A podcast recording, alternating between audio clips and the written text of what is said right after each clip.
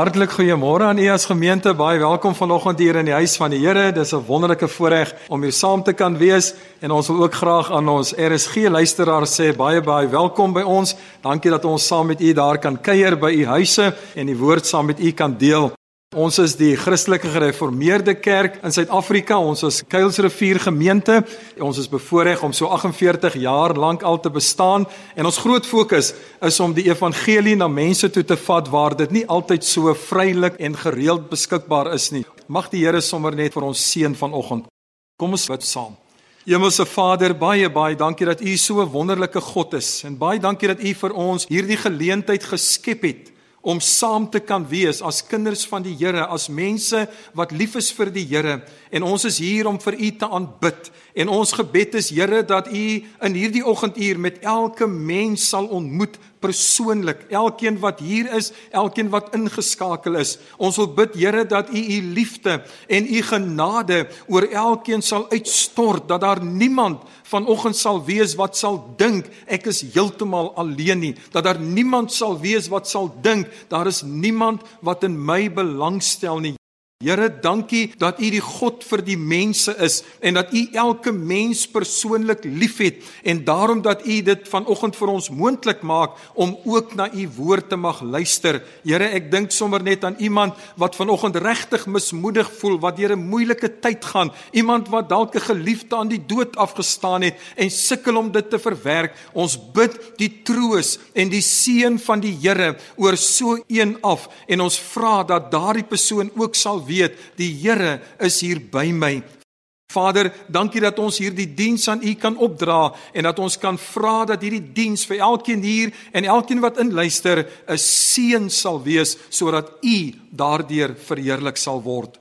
Geliefdes, genade, barmhartigheid en vrede word aan elkeen van u geskenk van God ons Vader in Jesus Christus sy seun en deur die kragtige medewerking van sy Heilige Gees. Amen. Ons gaan nou lekker saam sing tot eer van die Here.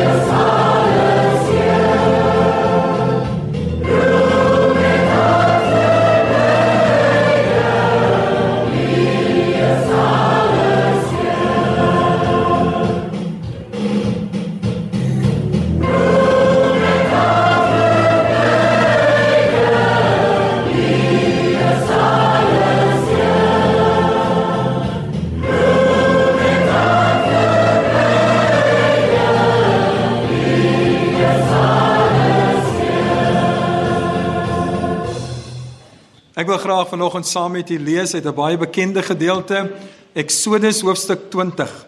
En ek weet jy almal kan raai waaroor dit gaan. Eksodus hoofstuk 20 en ons gaan lees vanaf vers 1 tot en met vers 20. Toe het God al hierdie woorde gespreek en gesê: Ek is die Here jou God wat jou uit Egipte land uit die slawehuis uitgelei het. Jy mag geen ander gode voor my aangesig hê nie. Jy mag vir jou geen gesneede beeld of enige gelykenis maak van wat bo in die hemel is of van wat onder op die aarde is of van wat in die waters onder die aarde is nie. Jy mag jou voor hulle nie neerbuig en hulle nie dien nie, want ek, die Here jou God, is 'n jaloerse God wat die misdaad van die vaders besoek aan die kinders, aan die derde en aan die vierde geslag van die wat my haat En ek bewys barmhartigheid aan duisende van die wat my liefhet en my gebooie onderhou. Jy mag die naam van die Here jou God nie uitelik gebruik nie, want die Here sal die een wat sy naam uitelik gebruik, nie ongestraf laat bly nie. Gedenk die Sabbatdag dat jy dit heilig. 6 dae moet jy arbei en al jou werk doen, maar die sewende dag is die Sabbat van die Here jou God. Dan mag jy geen werk doen nie jy of jou seun of jou dogter of jou dienskneg of jou diensmaagd of jou vee of jou vreemdeling wat in jou poorte is nie. Want in 6 dae het die Here die hemel en die aarde gemaak die see en alles wat daarin is. En op die sewende dag het hy gerus. Daarom het die Here die sabbatdag geseën en dit geheilig. Eer jou vader en jou moeder dat jou dae verleng mag word in die land wat die Here jou God aan jou gee. Jy mag nie doodslaan nie. Jy mag nie egbreek nie. Jy mag nie steel nie. Jy mag geen valse getuienis teen jou naaste spreek nie. Jy mag nie jou naaste se huis begeer nie. Jy mag nie jou naaste se vrou begeer nie, of sy dienskneg of sy diensmaagd of sy os of sy esel of iets wat van jou naaste is nie. En toe die hele volk die donderslaa en die blitse en die geluid van die bassein en die rokende berg bemerk, het die volk dit gesien en gebewe en op 'n afstand bly staan. En hulle het vir Moses gesê: "Spreek u met ons dat ons kan luister, maar laat God nie met ons spreek nie, anders sterwe ons." Toe antwoord Moses die volk: "Wees nie bevrees nie, want God het gekom om julle te beproef en dat sy vrees voor julle oë mag wees sodat julle nie sondig nie. Net tot sover dan die geleesde deel. Nou gewoonlik weet ons doen ons dit tydens 'n erediens en dan doen ons die geloofsbelijdenis en alles, maar dis vanoggend die boodskap. Dis vanoggend die woord van die Here aan ons dat die Here vir ons eintlik wil vra terwyl ons almal kla oor wat aangaan in die land en in die wêreld, terwyl ons almal vra het oor waarheen is die wêreld op pad, wil die Here vir ons vandag sê, dood eenvoudig omdat jy vergeet het wat my wet is.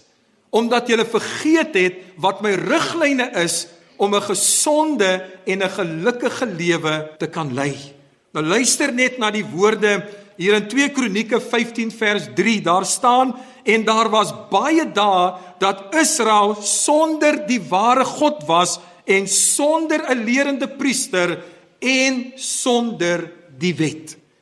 En weet jy wat interessant is as jy dit aanlees dan sê dit dat elke keer wat die volk wetteloos geraak het dan het daar verwarring gekom en hulle lewens was deurmekaar gewees want hulle het vergeet wat is die riglyne waarvolgens God wil hê ons moet lewe. En nou weet ek liewe vriende dat die verskoning is wel ons is nie meer onder die wet nie. Ons is mense van die genade. Maar dan sê Paulus vir ons, hoe anders sal ons die sonde kan ken as daar nie 'n wet is wat ons wys wat reg is nie. So, wat ek graag wil doen vanoggend is om doeteenvoudig weer saam met u deur die 10 wette te gaan. En dan is die vraag sal eintlik dieselfde bly. Hoe het dit betrekking op u en my lewe as individue? In hoe mate staan ons teenoor hierdie wette wat die Here vir ons gegee het? So kom ons begin. Die eerste wet sê vir ons jy mag geen ander gode voor my aangesig hê nie. En ek weet ons almal sal onmiddellik sê, "Wel, ek is so dankbaar. Ek ken geen ander gode wat ek aanbid nie." Is dit waar? U sien liewe vriende, enige iets waaraan ek meer aandag en respek voortoon as vir God, kan 'n afgod in my lewe word. Ons leef ongelukkig in 'n tyd waar die werklikheid is dat ons mense het nie meer tyd vir God nie. Ons mense is so besig dat hulle vind dit moeilik om God ook nog in te pas in hulle lewens. So die vraag is, wat hou ons dan so besig dat ons nie tyd het vir God nie? En die Here sê, jy mag geen ander gode voor sy aangesig het nie. Die tweede wet sê vir ons dat jy mag geen gelykenis maak van God en daarvoor neerbuig nie. Net so kan 'n mens ook weer eens sê ek is so dankbaar daar's nie afgodsbeelde in my huis wat ek kan bid en voorbuig of wat ek vergelyk met God nie. Weet jy Israel het pas nadat hulle die wet ontvang het 'n afbeeldsel van God gemaak. Hoe het dit gelyk? 'n Goue kalf. Nadat Aaron die goue kalf gemaak het, het hulle dit aanbid en wat het hulle gesê? Dis hy wat ons uit Egipte land gebring het.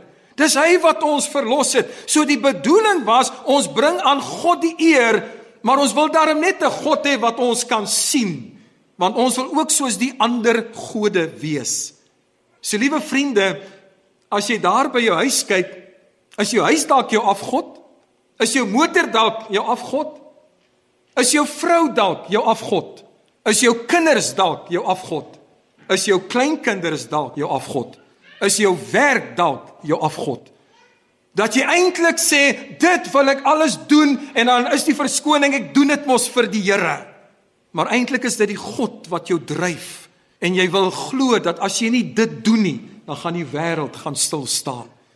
So maak seker dat jy dalk nie jouself verontskuldig en sê ek het daarom nie 'n beeldjie wat daar staan nie, maar eintlik het jy 'n beeld van waaroor jou lewe gaan en dit word die God van jou lewe. Die derde wet sê vir ons, jy mag die naam van die Here jou God nie ydelik gebruik nie. Vriende, as jy kwaad raak, waar kom jy uit? As jy jou punt baie sterk wil beklemtoon, gebruik jy dalk die naam van die Here? Baie mense se praat is die naam van die Here oor en oor. Hulle kom nie eens meer agter dat hulle die naam van die Here misbruik nie. Die Here sê, "My naam is heilig." Dis nie daar vir jou om te skel en om kwaad uit te druk nie. Dis daar dat jy die naam van die Here kan aanbid. Die 4de wet sê vir ons: gedenk die Sabbatdag dat jy dit heilig. Dan verduidelik hy daar God het in 6 dae die hemel en die aarde en alles wat daarin is gemaak en op die 7de dag gerus. Hoekom het God vir ons 'n dag geskep, liewe vriende, om rustig te wees, om weg van ons werk af te bly en weg te bly van die daaglikse normale rotines? Hy het dit gedoen vir hom. Hy het dit gedoen sodat ons kans kan hê om dank en lof aan die Here te bring vir alles wat hy vir ons beteken. 'n hele week wat hy vir ons gee wat ons eintlik maar aan onsself spandeer. Ja, vir ons gesinne, vir 'n beter lewe en so aan mag ons argumenteer, maar die punt is as dit nie vir God is nie, wat sou jy deur 'n week vermag kry? Gaan kyk maar in die hospitale, liewe vriende. Gaan kyk hoe vol ons hospitale is van mense wat nie graag daar wil wees nie, maar omdat hulle siek is, is hulle daar. Hulle sou graag saam met jou wou gaan werk het. Hulle sou graag ook 'n inkomste wou gein het, maar hulle kan nie.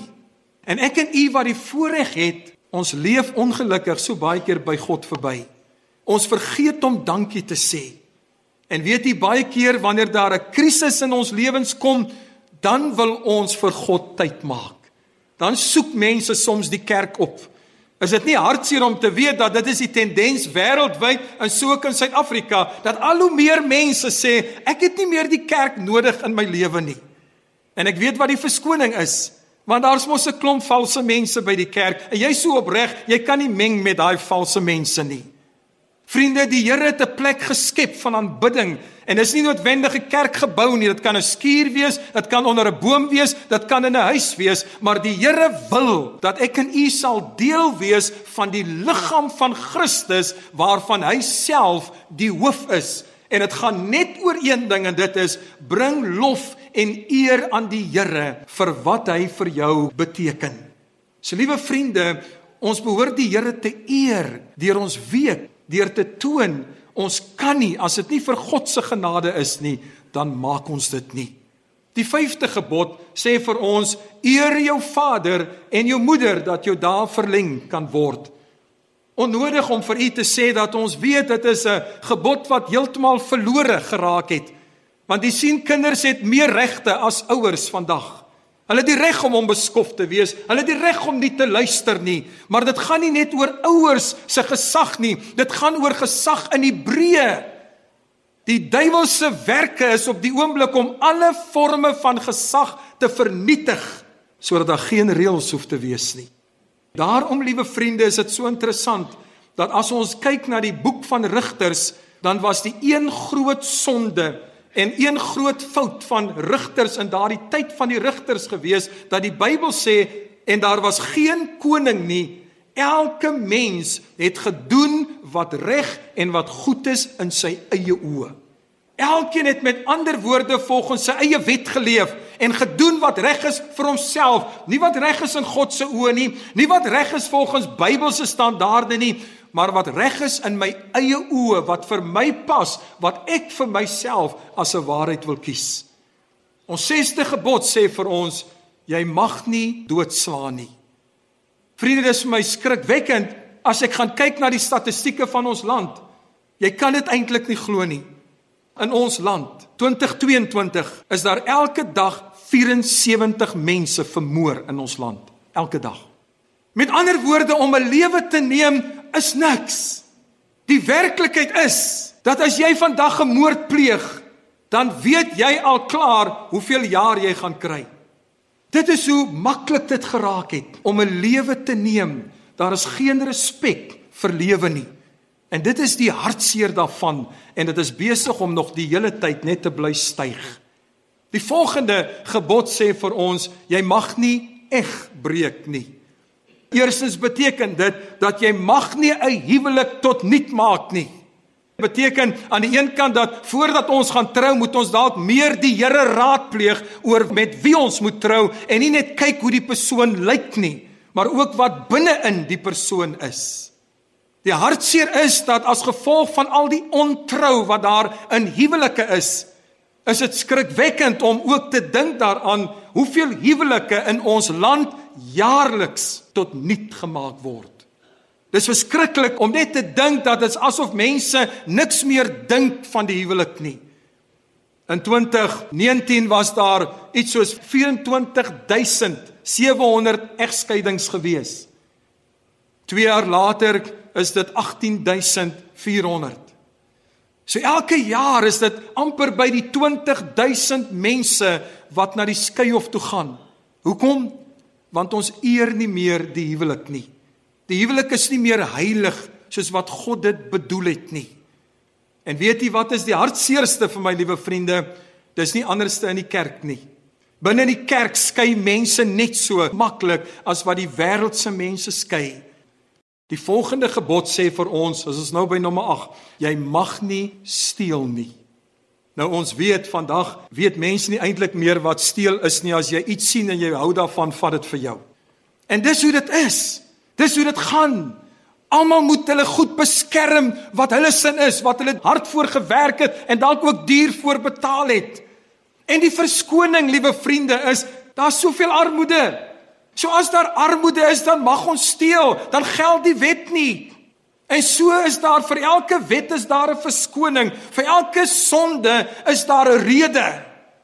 En dan het ons baie simpatie daarvoor. Weet jy hoekom? Want dit gaan nie meer oor God nie. As ons dink aan steel, gaan dit ook nie net by die mense wat by jou inbreek nie. Wat van daar waar ons werk, waar ons sommer maar van die goed huis toe vat? Jy hoef nie om te gee nie. Hoekom sal jy nou worry daaroor? Jy sien liewe vriende, ons kan baie keer die mense daar buitekant veroordeel, maar hoeveel diefstal is daar nie onder kinders van die Here nie? Hoeveel keer loop ons mekaar as kinders van die Here nie in nie? Hoeveel van ons het nie iets daar by die huis wat nie joune is nie? Jy het dit nog laas geleen met die belofte jy gaan dit binnekort teruggee, maar dit het nou al jou eiendom geword. Die eienaar weet nie eens meer vir wie hy dit laaste uitgeleen het nie. Maar dit pla ons nie. Want ons het mos nou nie dit bedoel nie. Daar's 'n verskoning, daar's 'n goeie rede daarvoor. Ons 9de gebod sê vir ons dat ons mag geen valse getuienis aflê nie. Ons leef, liewe vriende, in 'n omgewing waar enige mens amper vandag omgekoop kan word waar die meeste mense bereid is om die waarheid alleen te maak as die geld reg is. Dan maak die waarheid nie meer saak nie. As ons dink tot in die howe gaan mense en terwyl hulle aan die een kant 'n eed af lê om die waarheid te praat, is hulle 100% gereed om leuns te vertel. Hulle weet hulle gaan leuns vertel, maar hulle gee nie om nie want jy sien ons vrees niemand nie. Die laaste gebod gaan daaroor dat ons nie moet begeer wat ander het en dalk in jaloesie begeer en met afguns begeer omdat ek nie dit het wat ander het nie. En die gevolg daarvan, liewe vriende, is nie net dat 'n mens begeer nie, maar baie keer verlustig jy jou daarin as iemand anders iets verloor of benadeel word want dit is goed vir hulle, want ek het dit nie. Moet net nie met my gebeur nie, maar as dit met iemand anders gebeur, is dit goed Ek kry eintlik 'n glimlag daaroor. Ja, ons praat nie van vreemde mense, ons praat van jou bure. Die bure op wie jy afgunstig is oor wat hulle het en jy nie het nie. Die mense by die werk wat het wat jy nie het nie. Mense by die skool vir ons kinders wat het wat jy nie het nie en jy verlustig jou daarin wanneer hulle dit verloor want hulle wil mos spoggerig wees.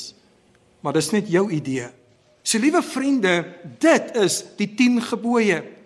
So my vraag is sommer net weer, as jy dink oor die 10 gebooie, waar pas u en my lewe in? Want u sien liewe vriende, dat elke keer wat ek die 10 gebooie verbreek en ons doen dit elke dag op een of ander manier. Elke keer wat ek die 10 gebooie verbreek, dan sondig ek nie teen die kerk in die eerste plek nie. Ek sondig nie eens teen 'n mens in die eerste plek nie. Ek sondig teenoor God. So met ander woorde, as ons ons lewens vanoggend evalueer aan die 10 gebooie, dan is die vraag, is daar iemand van ons wat nie vanoggend skuldig staan op een of ander een van hierdie gebooie nie? Dan is dit dat ons ons wil beroep en sê dankie tog, daar's genade. Maar liewe vriende, as die genade in ons lewens aan die werk is, dan sal ons begeerte wees om al hoe nader aan die wet van die Here te leef. Nie om deur die wet gered te word nie, maar om ons God eer. Dis interessant dat toe die Here sy wet hier gegee het vir sy volk dat die Bybel sê God het met hulle gepraat deur wonders en tekens op daardie oomblikke. Die berge het gebewe, die blitse het geslaan en hulle het geweet God is aan die woord toe Moses die 10 gebooie vir hulle gegee het. As ons vandag rondom ons kyk wêreldwyd, dan sien ons en hoor ons hoe dat die natuur weer met ons praat op allerlei maniere, op allerlei plekke. En ja, daar's mense wat altyd 'n verduideliking het. Daar's mense wat altyd 'n verklaring kan gee hoekom dit gebeur, maar hulle vergeet daar's 'n God wat in beheer is van al hierdie dinge. En God gebruik die natuur om met die mens te praat en vir die mens te sê, as ek jou wil skud, dan kan jy hardloop net waar jy wil, ek sal by jou uitkom. En as God dit toelaat, Dan is dit nie omdat hy hierdie God is wat wreed is en wat wil straf en wat ons wil vernietig nie. Dis hierdie God wat sê ek sal enigiets doen as dit jou kan terugbring in 'n regte verhouding met God. As dit jou kan terugbring om 'n lewe te lei wat tot eer van die Here is. Want liewe vriende, ons mag nooit vergeet nie, dit is die hoofdoel van ons bestaan en dit is om God te verheerlik. Nie onsself nie, nie vir ons eie drome en doelwitte te lewe nie, maar om vir God te lewe en outomaties sal jou drome en doelwitte vervul word. So as ons rondom ons kyk, dan moet ons vir onsself vandag afvra, wat is my aandeel daarin dat God allerhande ander maniere moet vind om met ons te praat? Wat is my aandeel daarin dat die wet van die Here nie meer gehou word onder kinders van die Here nie? Weereens wil ek beklemtoon, nie as 'n reddingsgereedskap nie, maar as 'n gereedskap waardeur ons lof en eer aan die Here wil bring. Mense wat dink die wet bestaan nie meer nie, Jesus het gekom en gesê, ek het nie gekom om die wet tot nul te maak nie, maar ek het gekom dat die wet in vervulling kan kom. U sien liewe vriende, ons kan by mense verbykom, maar ons kan nie by God verbykom nie. En wat dieper is, God kyk nie eens heeltemal altyd na wat jy doen nie, alhoewel hy alles weet en sien. Wat hy wel doen is, hy kyk in jou hart. En ek sê baie kere vir mense, ek kan vir iemand wat arm is, 'n stukkie brood gee met 'n verkeerde gesindheid. Die daad mag mooi lyk op die oog af, maar as ek dit doen met kwaad in my binneste, met 'n gevoel van irritasie, dan sien God dit ook. So God is die een wat ons sit en ons opstaan ken, sê die Bybel. Hy ken ons gedagtes van ver af en voordat daar selfs nog 'n woord uit ons mond uitkom, dan weet hy wat ons wil sê. So God weet alles. So liewe vriende, daarom dat ons kan na die einde toe kom en sê dank die Here vir die kruis. Want jy sien ons almal staan skuldig voor die Here. Hier is die een wat hom of haarself kan verontskuldig nie. En die vraag is, dis wat Paulus vra, wie sal my ellendige mens kan verlos? En dan sê ons saam, dank God vir Jesus. Dank God dat daar iemand gekom het wat die wet altyd onderhou het, wat nooit 'n fout met die wet gemaak het, dit nooit oortree het nie maar wat bereid was om ter wille van my en u en al ons oortredinge die straf te neem vir wat ons verkeerd gedoen het. Dank God vir Jesus. En daarom liewe vriende, is die vraag, die eintlike vraag wat ons wil by uitkom, is het ek en u vriendskap met die wetgewer? Jy sien ons soek ons almal daarom om mense te ken in hoë plekke waar ons kan makliker deurkom. Wel as jy by die wet wil verbykom, ken die wetgewer. Ken die een wat nie gekom het om die wêreld te veroordeel nie, maar dat die wêreld gered kan word.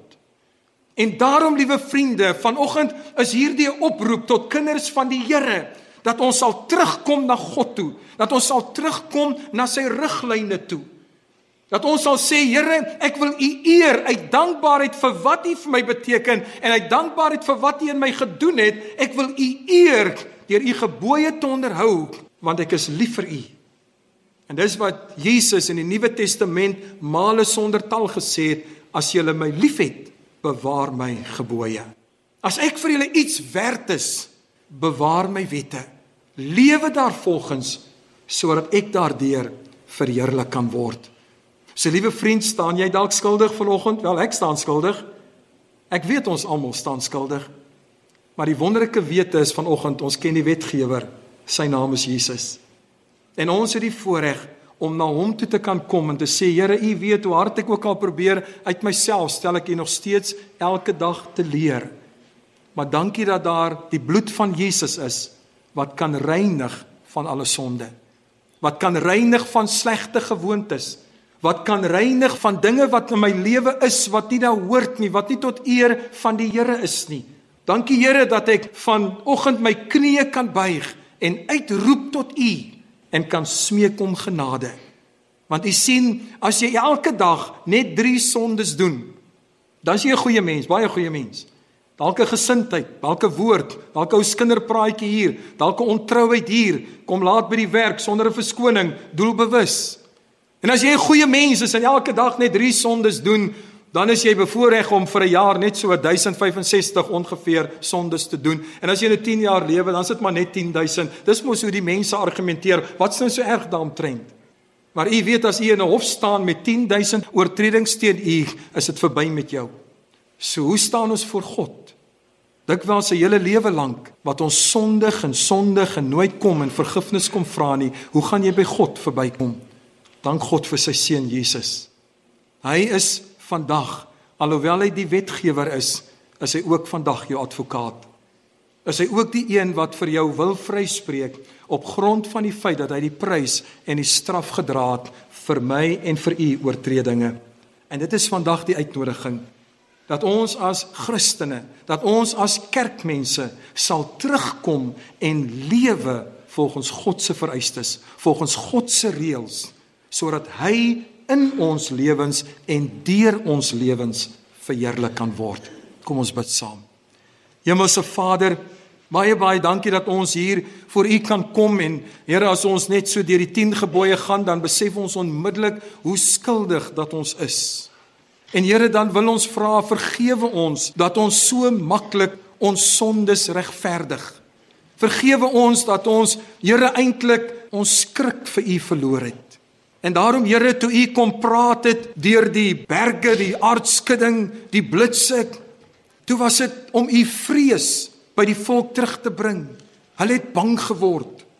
Maar dit was 'n anderste bang, dit was 'n besef God is in ons midde. Here, ons wil bely dat ons dikwels so van dag tot dag gaan, nie eens seker of die Here met ons is nie. Ons wil kom bely dat ons baie keer kerk hou en nie seker is of die Here by ons is nie. Want Here, ons doen dit alles op ons manier. Ons doen dit volgens ons reëls en ons regulasies. Maar Here, ons wil vandag vir U bid en sê kom terug in ons lewens. Kom terug in ons kerke. Kom terug in ons land. Here, kom help vir ons wat sê dat ons kinders van die Here is om te lewe tot U eer en te doen wat reg is in U oë. Here, ons wil vandag na U toe kom en vra vergewe ons. Here, dalk is daar iemand wat sê ek het nog nooit met die Here vrede gesluit in my lewe nie dan wil ek saam met so iemand na u toe kom en vra Here wees genadig. Reinig ons van al ons sondes en ons ongeregtighede. Was ons Here met u kosbare bloed. Here vergewe ons vir alles wat ons teen u gedoen het. Ons wil die deur van ons lewens vir u oopmaak en sê Here kom in, kom woon by ons en kom lei vir ons dat ons elke dag 'n lewe kan lei wat vir u behaag is. Dankie Here vir die voorreg en dankie vir u vergifnis. In Jesus naam bid ons dit. Amen. Kom ons sing ons laaste lied.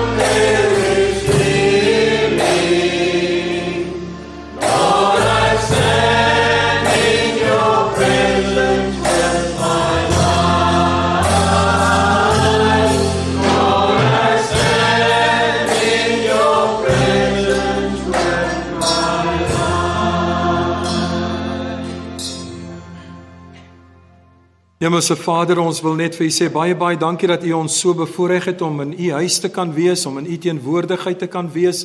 En Here, ons wil bid en vra dat U vir ons help dat soos wat ons hier uitbeweeg en Here met ons take weer sal aangaan in die week wat voorlê, dat U vir ons sal help. Here om U teenwoordigheid oral in te dra. Dat ons sal leef uit liefde vir U en tot verheerliking van U naam. Dankie dat U ons seën in ons werksplekke. Dankie dat U ons kinders seën Here ook daar by die skole en hulle by die universiteite en dat U U hand oor elkeen kom hou in die naam van Jesus. Geliefdes, die genade van ons Here Jesus Christus, die wonderlike liefde van God ons se Vader, asook die geseënde teenwoordigheid met God die Heilige Gees en die Here se vrede.